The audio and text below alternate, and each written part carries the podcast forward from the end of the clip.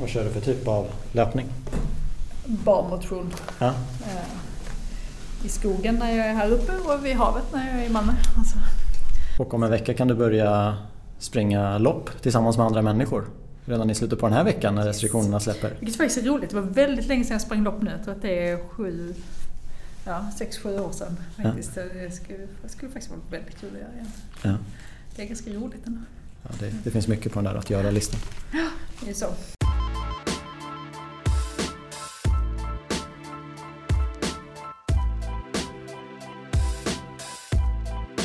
Den enskildes personliga, ekonomiska och kulturella välfärd ska vara grundläggande mål för den offentliga verksamheten. Särskilt ska det allmänna trygga rätten till arbete, bostad och utbildning samt verka för social omsorg och trygghet och för goda förutsättningar för hälsa.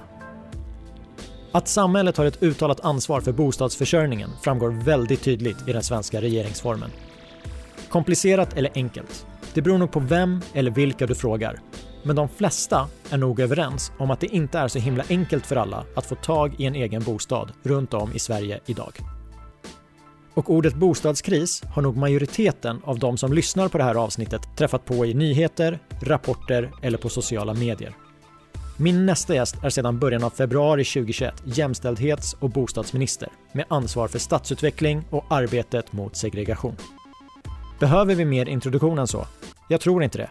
Hon är helt rätt person att prata om det här med. Låt mig presentera Märta Stenevi.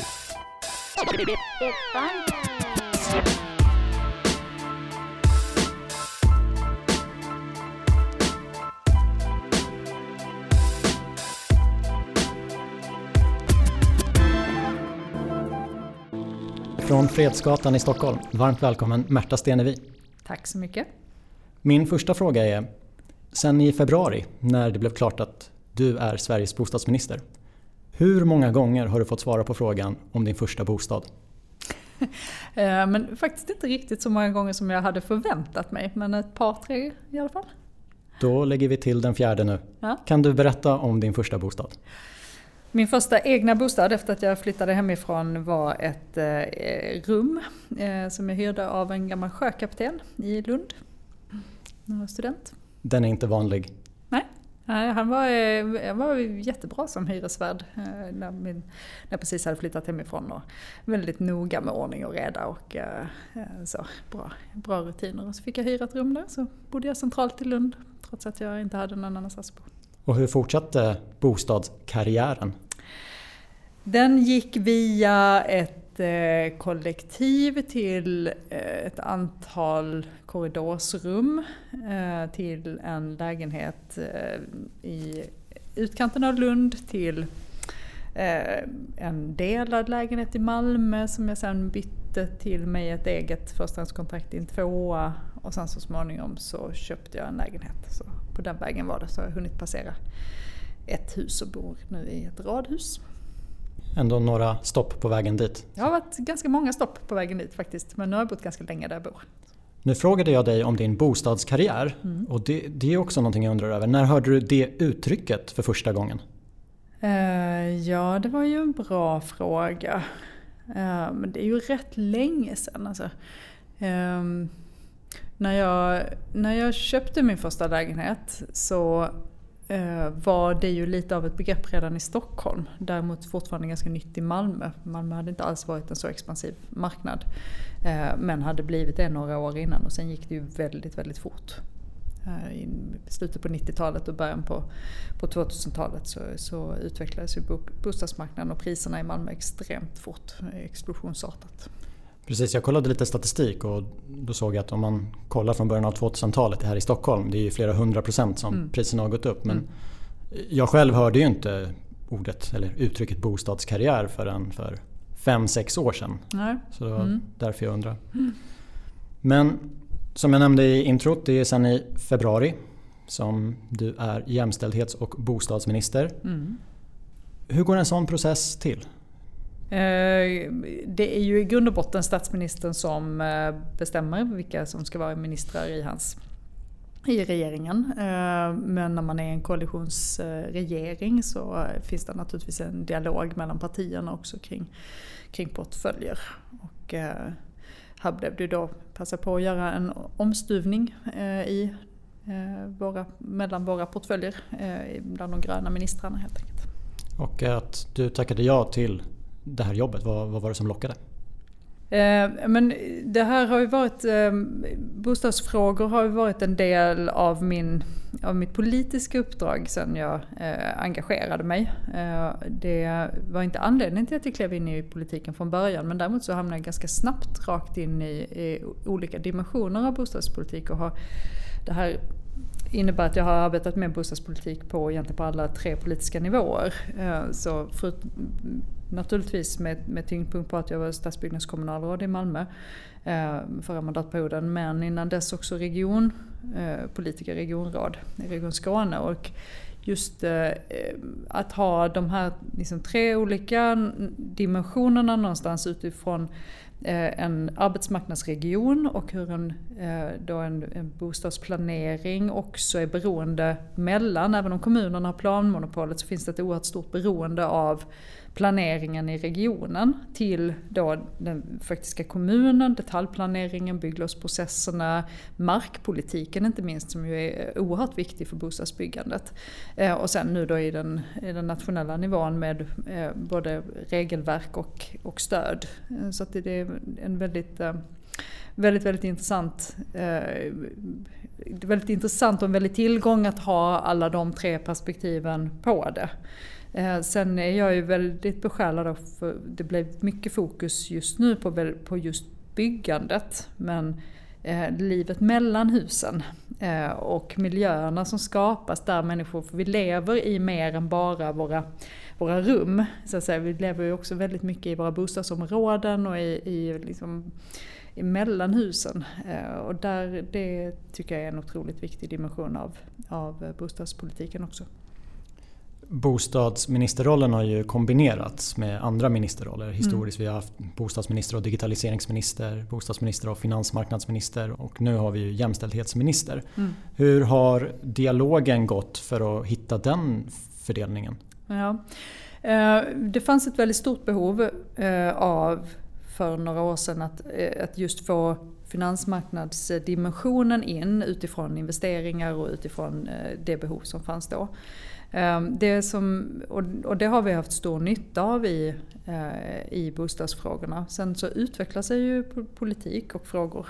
Eh, och det som jag ser som de största synergierna i min portfölj är just att bostadspolitiken blir kopplad till dels social hållbarhet och dels till människorna. Eh, därför att bostadspolitiken är ju så oerhört viktig för individen eh, och för människan. Och här finns det väldigt viktiga eh, delar. Till exempel så är de två huvudspåren som jag arbetar med i min, i min roll som, som jämställdhetsminister handlar om mäns våld mot kvinnor och om jämställda livsinkomster. Båda de situationerna har en, en otroligt intimt förknippad koppling med bostadspolitiken. Därför att med så ojämställda ekonomiska villkor som vi fortfarande har i Sverige idag, även om lika lön för lika arbete, det glappet sluter sig, så är fortfarande livsinkomsterna och de disponibla inkomsterna oerhört ojämställt fördelade. Och det ställer väldigt stora det, det får väldigt stora konsekvenser på, på bostadsmarknaden också. Inte minst i situationer när kvinnor till exempel behöver lämna en destruktiv relation. Sen har vi också barnrättsperspektivet och arbetet mot diskriminering och mot segregation som också ligger i min portfölj. Även där har bostadspolitiken oerhört stor betydelse både för själva bostaden men igen också för livet mellan husen eh, och för vår, helt enkelt vår mellanmäns våra mellanmänskliga relationer. Sen ska man ju naturligtvis inte få glömma att jag också är miljöpartist och att eh, klimat och miljöfrågorna ju också är oerhört beroende av bostadspolitiken och bygg och anläggningssektorn. Så här är väldigt många skärningar där när man tar ett mer tvärsektoriellt perspektiv på de här frågorna så får vi en, en djupare bild av bostadspolitik än det ensidigt byggandet. Jag tänker att om man fortsätter vid det, att mäns våld mot kvinnor och möjliggöra för kvinnor att, att lämna mm. sådana dysfunktionella relationer och barnperspektivet, livet mellan husen. Okej, okay, vad, vad, kan du göra i rollen som bostadsminister för att vi ska pricka av dem där? Ja precis. Eh, alltså det så, om man säger i skärningen här då så har vi till exempel eh, utredningen nu kring socialt hållbart bostadsförsörjning som Karolina Skog eh, arbetar med och leder. Eh, där har vi många dimensioner som gifter ihop alltifrån hur, eh, hur kan vi hantera kösystemen eh, till exempel. Hur kan man möjliggöra för fler kvinnor i den situationen att också komma över i en stadigvarande bostad. Vi har också när vi tittar på utredningen kring startlån för förstagångsköpare till exempel där tänker vi ju ofta i första hand på unga människor som, som ska köpa sin första bostad. Men att vara första gångs köpare kan ju innebära att du har gjort en lång bostadskarriär men inom hyres Eh, eller då att, att ägandet har stått på någon annan. Eh, när, vid en skilsmässa så är det många fler män än kvinnor som kan köpa sitt nästa boende.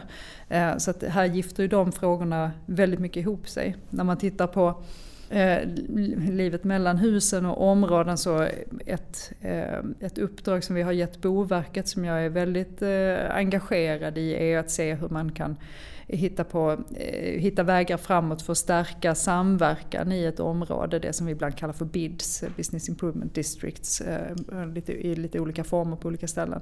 Det vill säga när man vänder utvecklingen i ett område Genom att fastighetsägare, polis, kommun, civilsamhälle och boende eh, går ihop för att, eh, för att vända utvecklingen helt enkelt i ett, i ett område. Och det här har vi många exempel på i Sverige att det ger väldigt, väldigt goda resultat och att man också då kan trycka bort kriminalitet och trycka bort utanförskap och istället få en mycket, mycket mer positiv utveckling för de boende och med de boende kvar. Alltså inte genom att byta ut en befolkning utan tvärtom att i samverkan och tillsammans med boende vända en, ut, en utveckling. Så att här finns väldigt många skärningar som sagt mellan de här frågorna som jag tror att vi underutnyttjar idag och skulle kunna göra mycket, mycket mer av. Vi ska komma in på båda utredningarna lite senare i samtalet och nu lägger vi även till BITS på, på listan. Men jag tänkte återigen backa tillbaka bandet för att jag mm. minns när det blev klart att du skulle bli bostadsminister så var det ju jättemånga tidningsrubriker. Välkommen Stenevi, det här förväntar vi oss. Vad har du fått för mottagande av branschen? Um, nej men det har ju funnits, dels har det kommit eh, frågor naturligtvis precis som du ställer kring varför den här kombinationen och hur ska man kunna använda den och så. Eh, sen är ju väldigt mycket nu kliver jag in ganska sent i mandatperioden och väldigt mycket nu är ju, behöver tas i hamn. Eh, det som, eh, det som framförallt kanske Per Bolund har, har dragit igång som jag ska föra vidare. Men annars så skulle jag säga att det är väl de krav som kommer eh, har ju mycket handlat om regelförenklingar, hur vi kan underlätta, inte minst för för seriellt byggande. Hur kan vi få ner priserna? Vi vet alla att nybyggnationer är dyra. Det är svårt att uppbringa bostäder till rimliga kostnader eh, i nyproduktion. Hur kan man eh, underlätta för ett mer eh, seriellt byggande till exempel? Och där har vi ju precis presenterat förslaget om certifierade byggprojekteringsföretag till exempel. Vilket jag så, än så länge ser ut att ha tagits emot väl och som jag hoppas ska ge en väldigt bra skjuts i den delen av marknaden. Ehm, och sen har vi ju också andra utredningar som, som pågår eh, och som man trycker på. Ehm, kring investeringsstödet råder det lite delade meningar där det är ju ganska intressant att fundera vad som kommer från vilket håll eh, skulle jag säga i, eh, i det avseendet.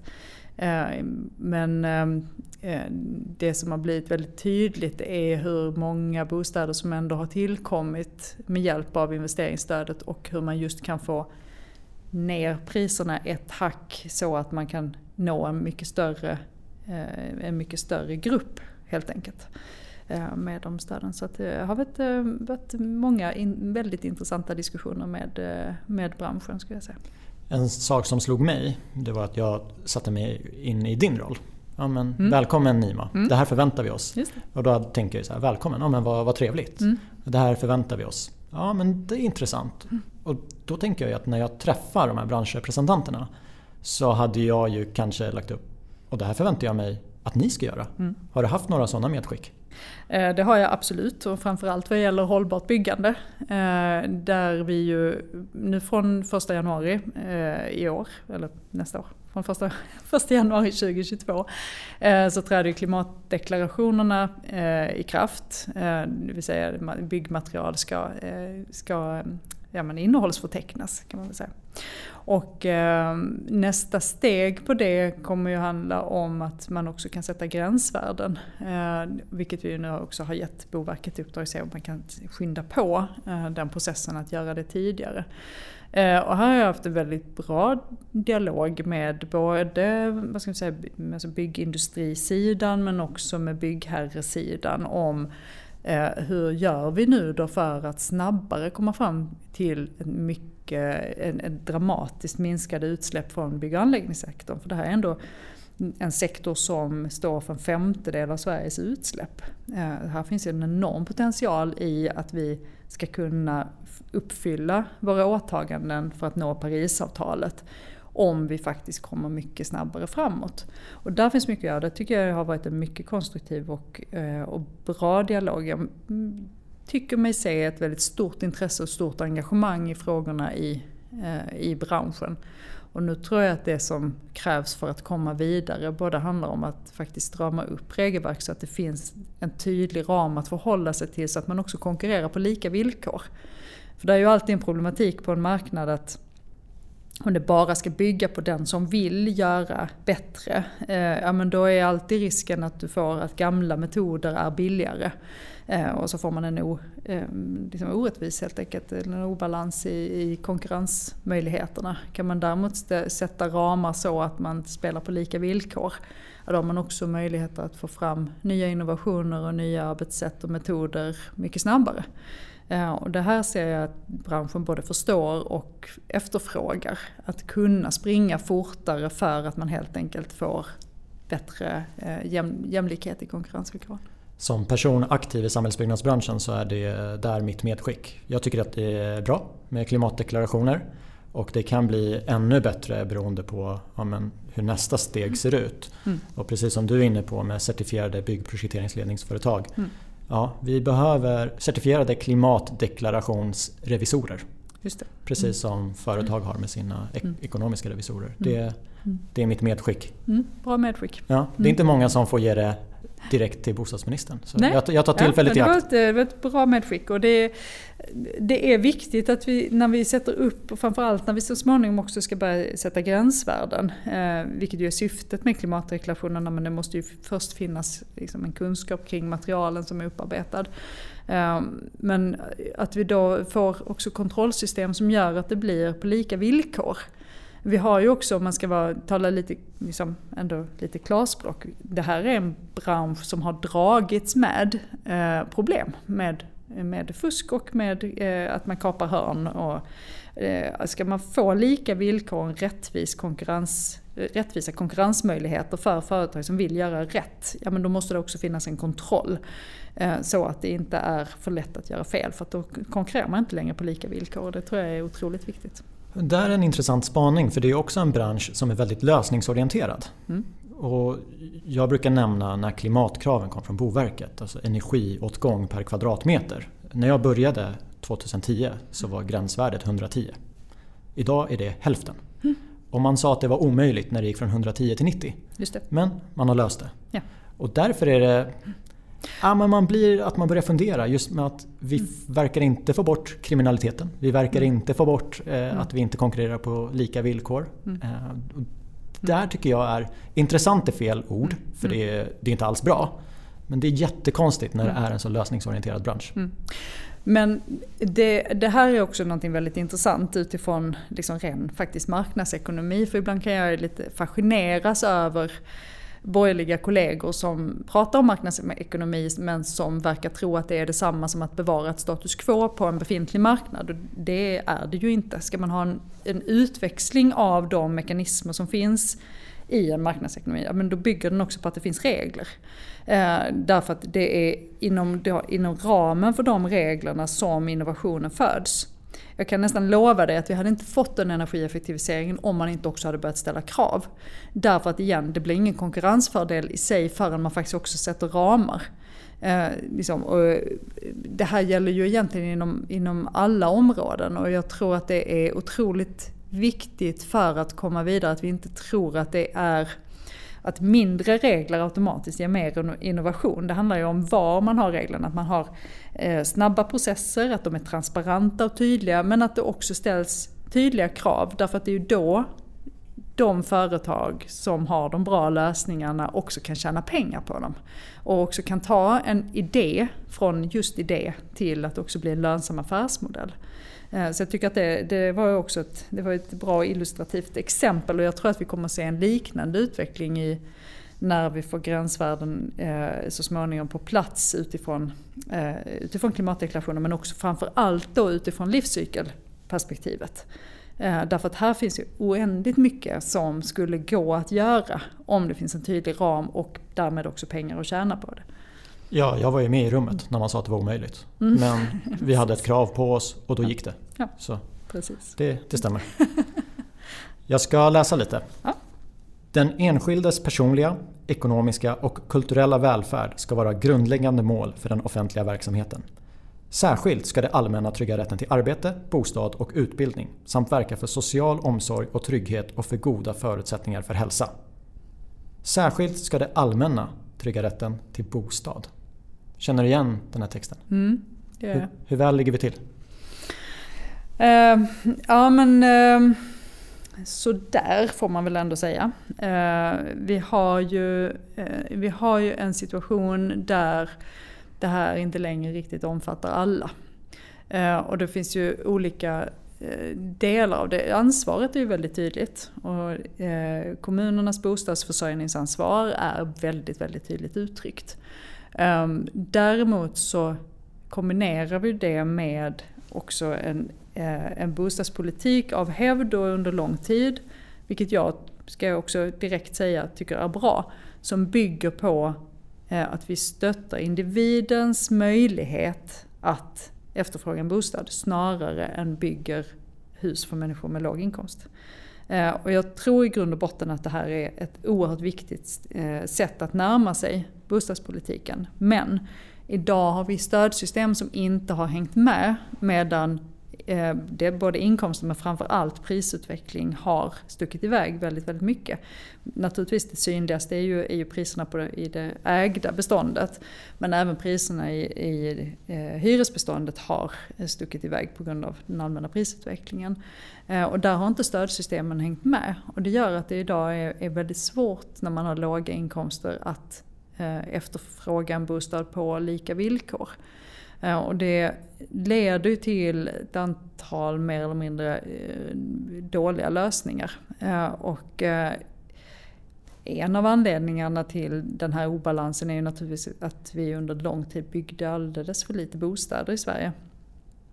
Men som sagt, här finns också ett arbete att göra med de stödsystem som, som vi egentligen har tänkt ska liksom kompensera för, för den här, det här glappet. Och att i botten för det ligger att, att vi ska ha bostäder som faktiskt alla vill bo i.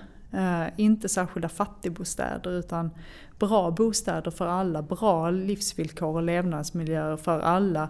Men i en situation, i en livssituation där man har lägre inkomster ska man kunna få hjälp av det, allmänna, av det allmänna för att, eh, för att bo.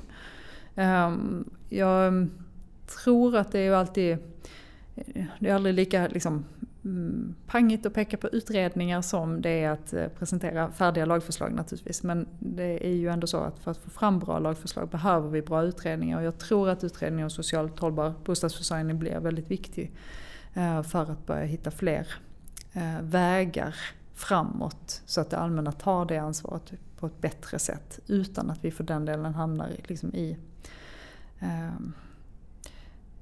ja, men det som vi ibland lite slarvigt kallar för social housing och menar lite olika saker med beroende på vem man frågar. Men, ja. Vi ska komma in på utredningen men när du, du nämner att nej, det är inte vardagen för alla att den här rätten till bostad och så mm. nämner du personer med låg inkomst. Är det den gruppen? Eller finns det fler grupper? Nej, men det finns ju fler grupper. Det finns ju, eh, dels så har man ju situationer när man flyttar till en ort till exempel där det saknas eh, bostäder så kan det vara svårt att hitta bostad även med, eh, även med eh, höga inkomster. Vi har situationer med äldre som eh, börjar närma sig en punkt där man bor för stort men eh, fortfarande är fullt kapabel att bo själv. Eh, men där det då är, inte har en tillräckligt blandad bebyggelse för att man ska kunna hitta en bostad i sitt närområde där man, där man har kanske levt ett helt liv och vill bo kvar. Sen har vi ju också unga som ska ta steget ut eh, hemifrån och över i, eh, över i en egen bostad. Där kan man väl säga att det, eh, det vi har bättre lösningar kanske på plats eller som håller på att arbeta fram. När vi bygger mycket, när vi har en hög byggtakt så kommer vi på sikt att komma åt gruppen unga till exempel, där, som har en, en inkomst eh, men där det saknas bostäder till liksom, rimliga hyror. Eh, men den, att jag särskilt pekar på de med låga inkomster det är framförallt därför att den strukturella hemlösheten, alltså där man har väldigt svårt att ta klivet in på bostadsmarknaden överhuvudtaget. Eh, är ett väldigt stort problem och inte minst är det ett stort problem för många barn eh, som idag blir väldigt utelämnade i de situationerna. Men är det här ett problem runt om i Sverige eller är det ett storstadsproblem? Går det att se några geografiska skillnader? Att man inte kan få en bostad? Det, ser det har lite olika, eh, vad ska jag säga, lite olika brännpunkt beroende på var i landet eh, man befinner sig.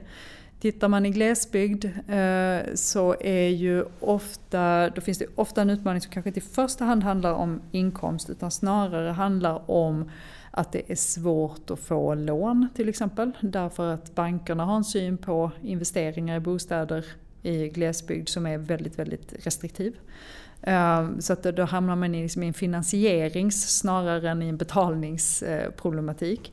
Eh, medan man i, eh, i en del av våra storstäder då just har grupper som är, inte är etablerade på arbets eller bostadsmarknaden och därför har väldigt svårt att ta sig, ta sig in i, i, på bostadsmarknaden överhuvudtaget. Så det är lite olika, olika förutsättningar i olika delar av landet. Eh, det skapar liknande problem men av olika orsaker kan man säga. Du nämner att vi historiskt har byggt lite för lite. Mycket för lite. Mycket för lite. Kollar man på 10-talet så har ju kurvan sett bättre ut. Absolut. Och sen så kom ju amorteringskrav och sen kom det en pandemi som ja, gjort att det gått ner lite. Men det senaste budet är ju faktiskt att det byggs mer mm. än förra året. Jag läser här. Mm. Full fart i bostadsbyggandet. Mm. Ökat med 43% senaste året. Mm. Det, eh, vi har ju inte sett det. Man, det fanns ju en väldig rädsla för att vi skulle se ett stopp i byggandet på grund av pandemin. Eh, men det blev ju inte riktigt så. Istället så blev det ju ett väldigt tryck i, på bostadsmarknaden. Och eh, nu är, eh, för nu ska jag säga, det här året så bygg, eller förra året så byggde vi väl ungefär 61 000 bostäder. Boverket räknar med att mm, som bostadsprognos att vi behöver ungefär 59 000 bostäder per år. Eh, nästa år är prognosen att vi kommer att påbörja 64 000 bostäder.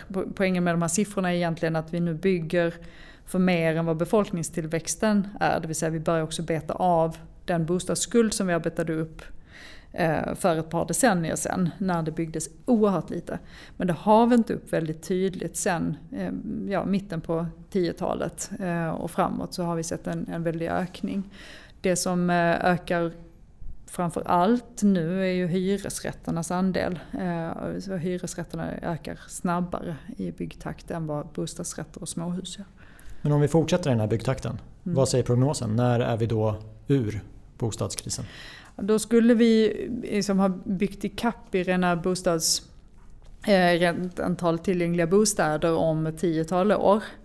Eh, men då ska vi ju ha med oss att vi fortfarande har ett segment där problemet att ta sig in på bostadsmarknaden i första hand handlar om just det här glappet i, i stöd och i, i etablering på bostadsmarknaden snarare än bara själva tillgången till bostäder. Så att vi har fortfarande problem att ta tag i vad gäller en socialt hållbar bostadsförsörjning. Men kan vi upprätthålla den här bostadstakten då kommer vi ha en bättre balans i Sverige eh, om tio år än vad vi har idag.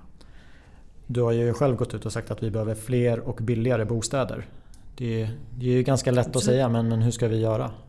Det som görs nu är ju just att det byggs fler bostäder, mycket fler bostäder. Eh, och att vi också kan hålla nere hyrorna med hjälp av investeringsstöden.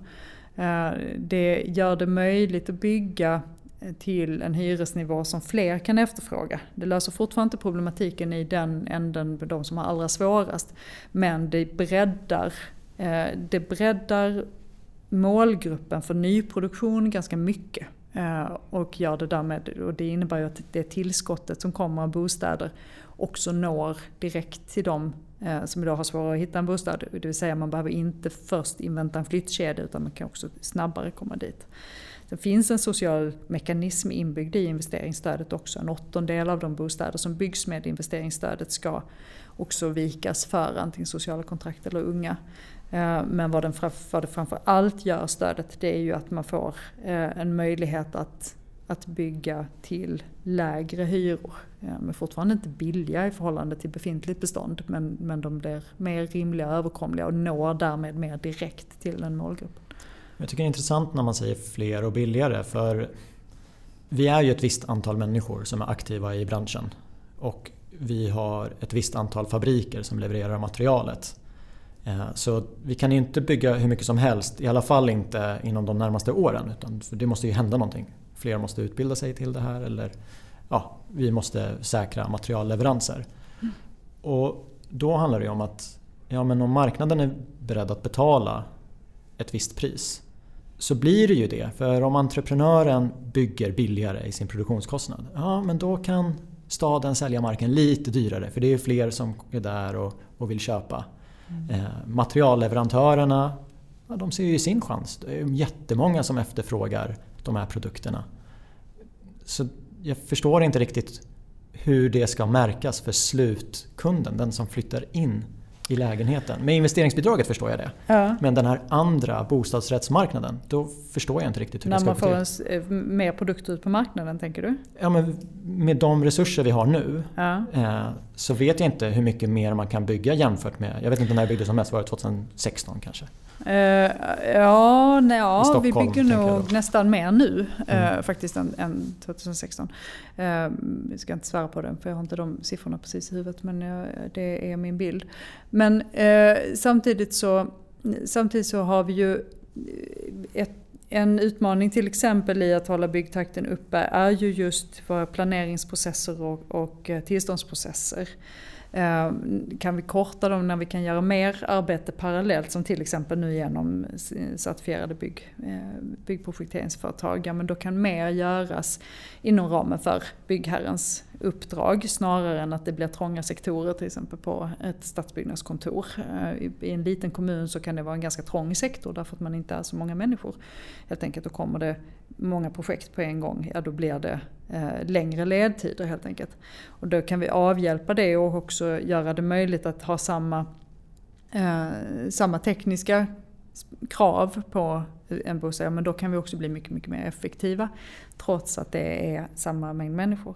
Sen vet vi ju att inom träindustrin eh, till exempel, ja, men där har vi just nu en trång sektor som är, om jag uppfattar saken rätt, inte minst i, i Eh, på fabriker och på sågverk, eh, kanske snarare än i själva rå, råvaruförsörjningen. Eh, och där finns ju också en, där finns ju naturligtvis en utbyggnadstakt som ibland släpar efter men där det också finns en väldigt stor potential för den industrin att växa och, och, och utvecklas i takt med att, att vi också ser att en ökad efterfrågan.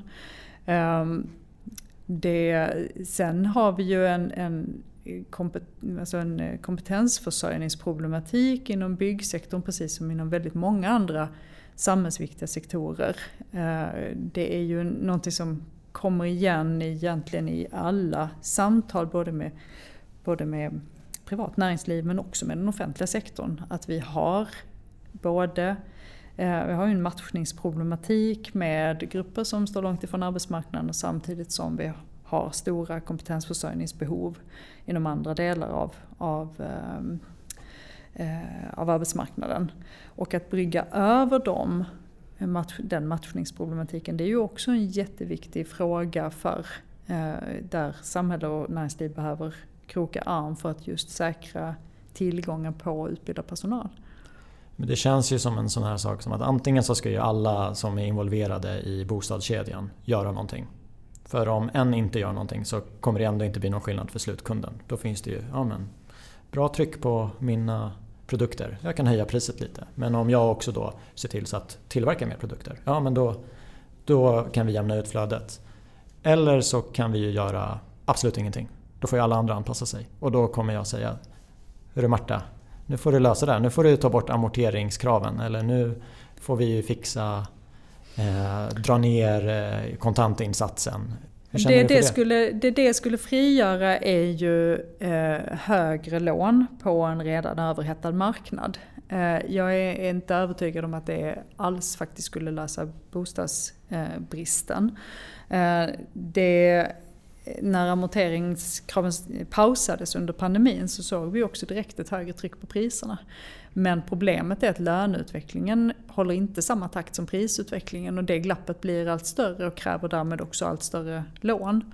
Eh, och även om vi skulle ta, eh, ta bort de, eh, de krav som, som finns så finns det ju en väldig risk för att det som händer då bara är fortsatt ökade priser och därmed också en ökad belåning. Eh, det kan fungera till en viss gräns men dels så höjer det trösklarna hela vägen för de som har svårt att ta sig in på bostadsmarknaden. Eh, därför att man kan ju tycka att det skulle förenkla att få lån. Men om man då tänker sig att idag så behöver du ha 15% eh, för att, i kontantinsats.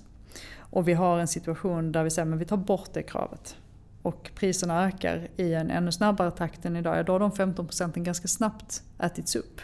Vilket innebär att du sitter med ett ännu högre lån. Det gör inte att du har en större förmåga att betala eh, ifall plötsligt till exempel räntorna skulle börja vända uppåt. Eh, och det här är det här kan ju verka, vad ska man säga, osannolikt i det läge vi har idag med det ränteläge vi har idag. Men jag är ju faktiskt så gammal att jag minns vad som händer när ränteläget förändras bara med några enstaka procent och hur det slår mot enskildas ekonomi. Så att jag skulle säga att här finns ju ett behov av också att minska den risken för hushållen.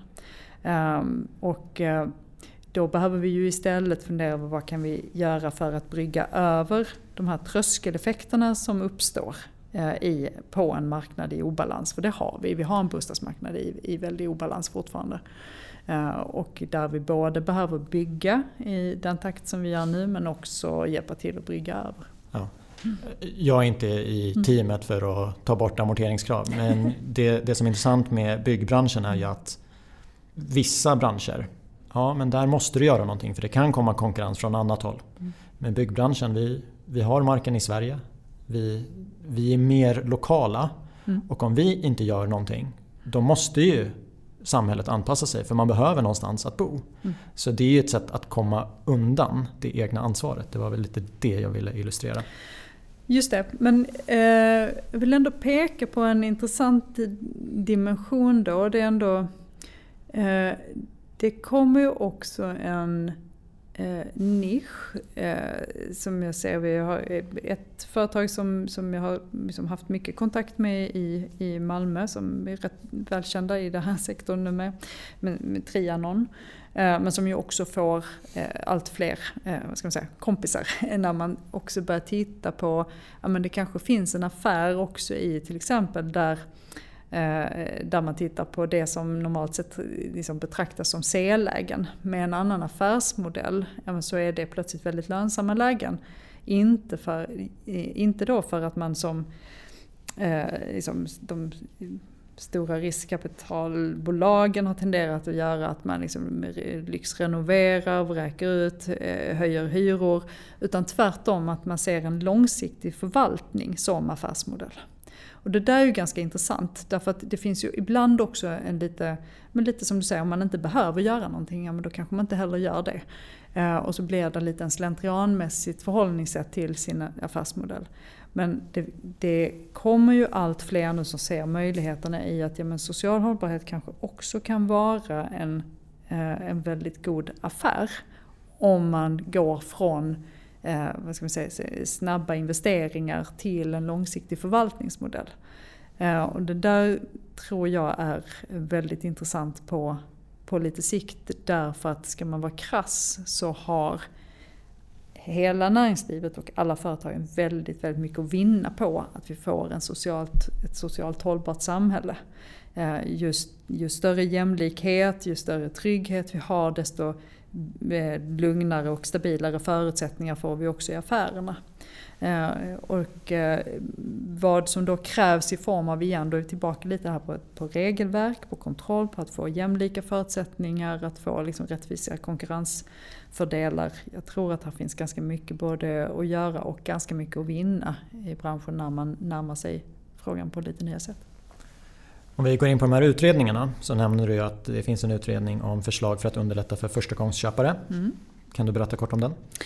Det handlar ju helt enkelt om att eh, vi, har satt en utredning på att titta på hur man skulle kunna från eh, det offentliga sida eh, ha ett startlån helt enkelt på, inte hela men en, en del av kapitalinsatsen, kontantinsatsen. Förlåt. När är den klar?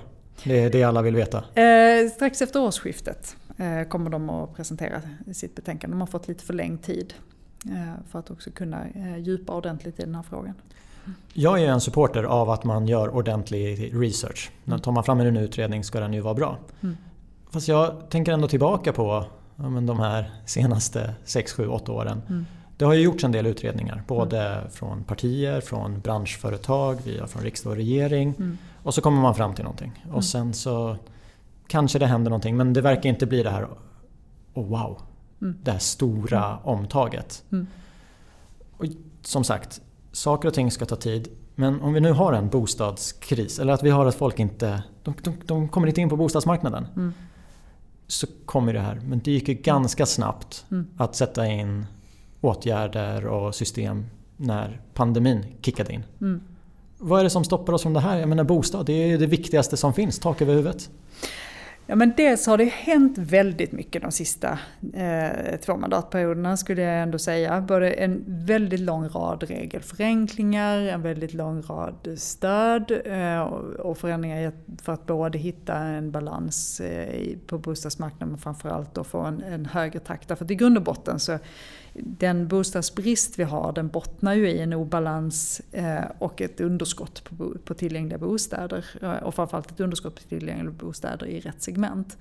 Eh, så att det faktum att vi har så mycket högre byggtakt nu är ju en förutsättning för att vi också ska långsiktigt komma, komma till rätta med problemen.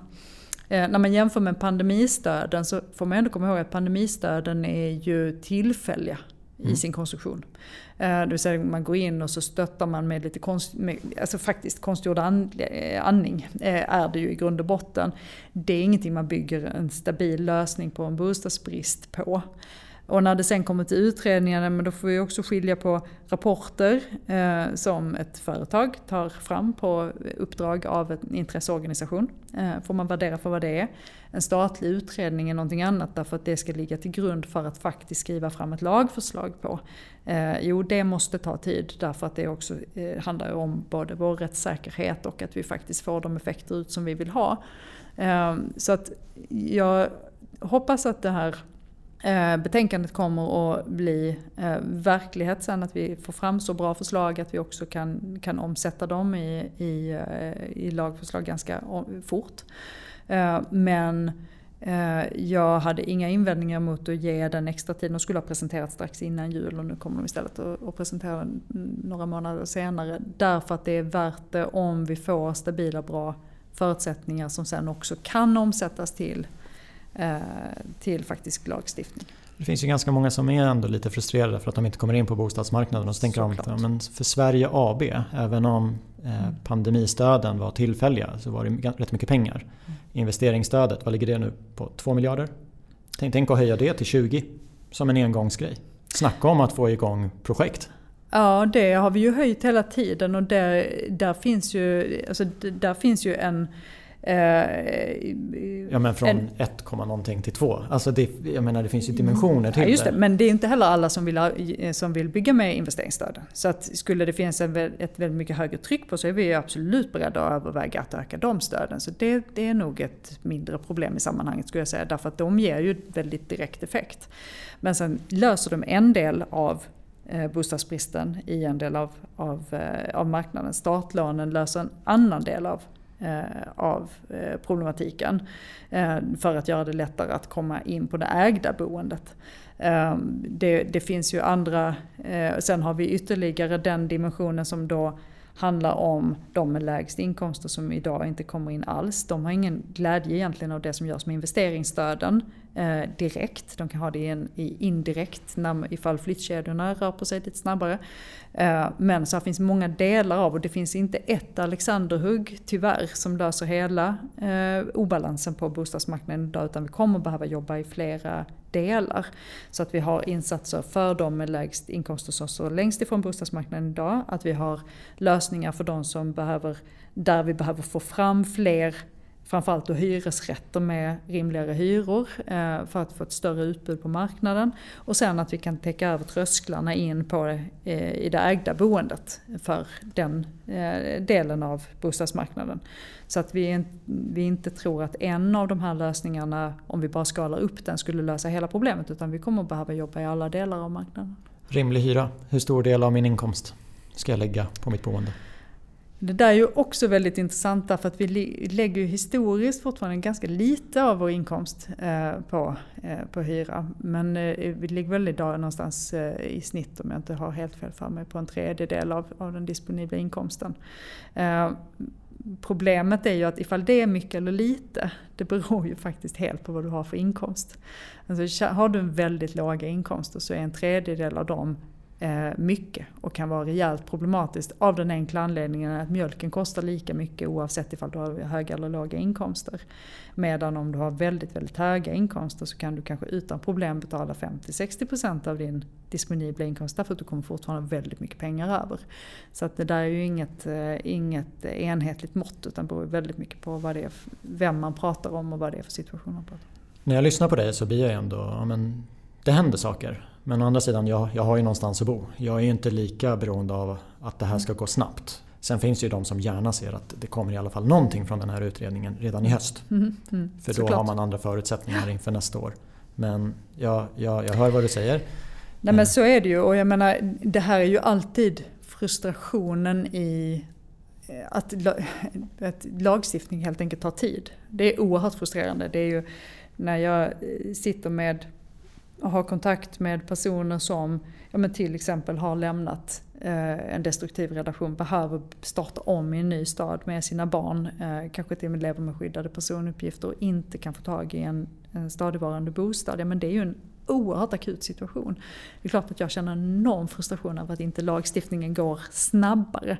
Och samtidigt så vet jag ju att skyndar vi så snabbt att det vi får fram sen inte håller att, att lagstifta på ja, då är ju risken oerhört stor att det tar ännu längre tid. Utan att vi verkligen får fram det som också kan bli långsiktigt hållbart.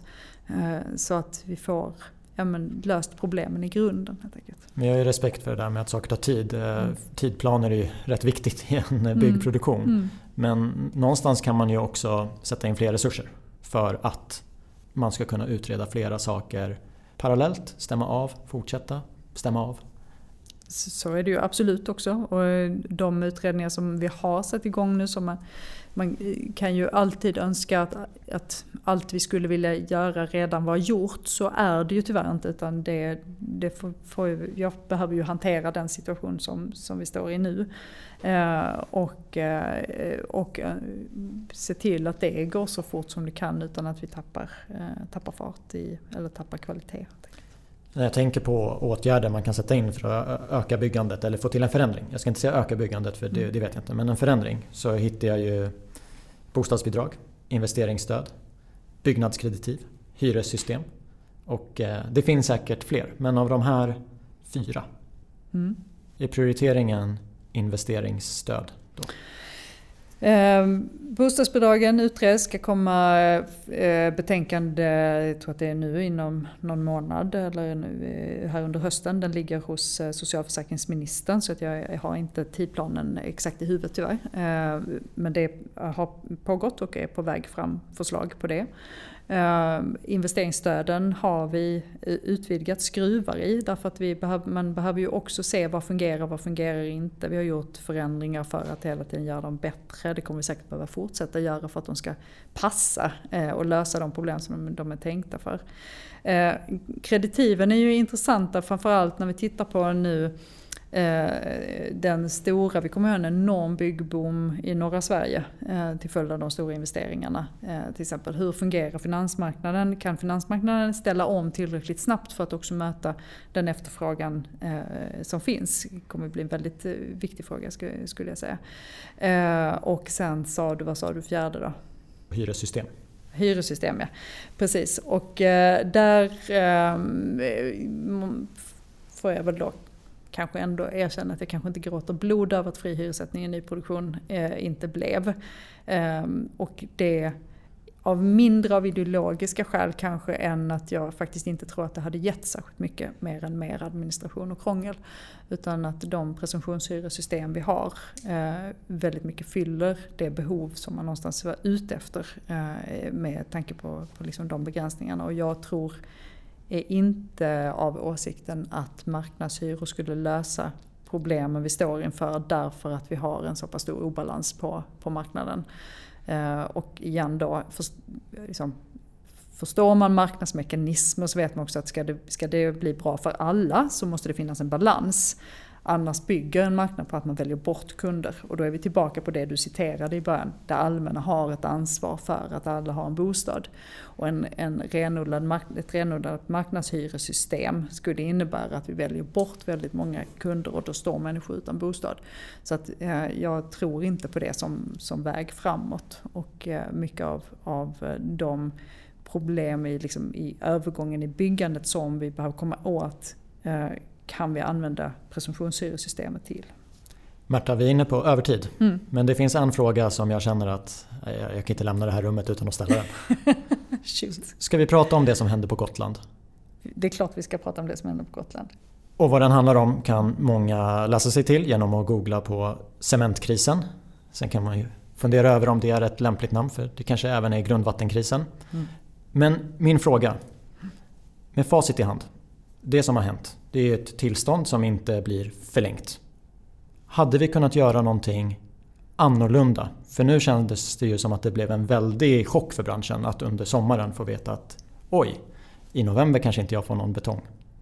Hade vi, och då menar jag politiken, branschen, kunnat göra någonting annorlunda? Um, ja, eh, det tror jag. Och eh, nu tänker jag unna mig att vara lite kritisk. Eh, det första vi kan göra är att vi faktiskt tar vår miljölagstiftning på allvar. Eh, det vill säga att vi, det, det, är upp till varje enskilt företag som ska bedriva en tillståndspliktig verksamhet att också se till att man uppfyller kraven för de tillstånden. Och det som har hänt är att Cementa helt enkelt inte har fått sin ansökan godkänd av Mark och miljööverdomstolen. Faktum är att de, eh, har, de helt enkelt slängde ut den, den, eh, hela ärendet. Eh, och det är ett kraftigt underbetyg för hur man har hanterat sin, eh, sin, alltså sin tillståndsansökan. I nästa led så eh, måste jag väl ändå säga att vi har ju, eh, det här har ju då i sin tur blottat en bransch som ju faktiskt inte har gjort en riskanalys på vad innebär det att hela bygg och anläggningssektorn i Sverige är beroende av en enda anläggning. Därför att nu är det här, nu är det här ett hotande produktionsstopp till följd av en tillståndsprocess. Men vilket produktionsstopp som helst som blev långvarigt i den anläggningen hade, hade gett samma effekt. Och det är ju en riskanalys som jag nog tycker ändå att man kan förvänta sig av en så stor Eh, anläggningssektor, som, eller en så stor sektor som, som ändå omsätter de eh, summorna som, som man gör. Och då, om jag då också ska vara självkritisk så är det klart att från politikens håll borde vi ha haft en större kontroll över ifall branschen gör den typen av riskanalyser med tanke på hur samhällsviktig eh, sektorn är. Ja, kanske det. Men faktum kvarstår. Dels är det rimligt att branschen är så beroende av en insatsvara? Eller behöver man börja aktivt titta på en, en större differentiering i materialval? Eh, eh, och märk väl, jag har inga illusioner om att vi skulle liksom, imorgon kunna klara oss utan cement helt och hållet. Men att vi får en bättre differentiering och en mindre sårbarhet, det tycker jag att vi kan kräva av branschen, absolut.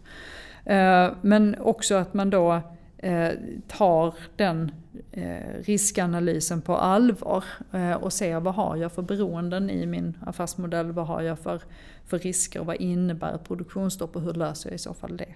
Därför att det här, har, det här slår ju och tenderar att slå, eller riskerar att slå eh, oerhört hårt mot väldigt, väldigt många. Ja, för det jag tänker är att eh, det är klart att vi ska göra utredningar ordentligt. Det jag reagerade på är att när det är så långa avtal, 20-åriga avtal, att det borde finnas något system så att det blinkar en röd lampa att Cementas avtal går ut om fem år.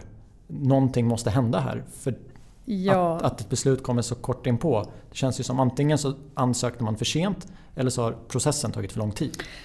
Men vi, har ju, vi har ett pågående arbete, jag tror att det är fyra pågående arbeten med att se, se över tillståndsprocesser. Hur kan de bli snabbare, transparentare och mer förutsägbara? Eh, det tror jag är jätteviktigt. Därför att eh, min bild av tillståndsprocesser eh, är att vi behöver ha hårda krav, höga krav. Men processerna i att få, få godkänt eller inte, de ska vara snabba och transparenta och tydliga. Och där finns garanterat mycket att göra. Samtidigt är det ändå så att har man, bedriver man en verksamhet som behöver ett tillstånd, då är det det företagets ansvar att se till att man får det tillståndet. Eh, och där utgår jag ju ifrån att ett företag med ett tillstånd som löper ut har väldigt många sådana varningsflaggor. Vad jag tror kanske inte däremot har funnits, ska jag inte säga för mycket, det kanske alla var fullständigt medvetna om. Men jag är inte övertygad om att hela bygg och anläggningssektorn däremot var helt medvetna om vilken stor risk som låg i eh, att alla använder samma enda anläggning för Eh, en så viktig insatsvara.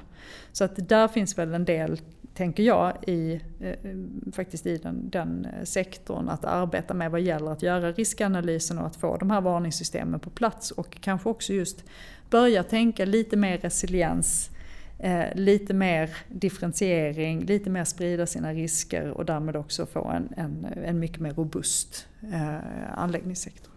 Märta, jag har frågor så att vi kan sitta hela kvällen men vi är inne på stopptid, vi har dragit över med 12 minuter. Jag skulle vilja tacka dig för att du ställde upp och var med i hela kedjan. Jättespännande samtal, tack så hemskt mycket.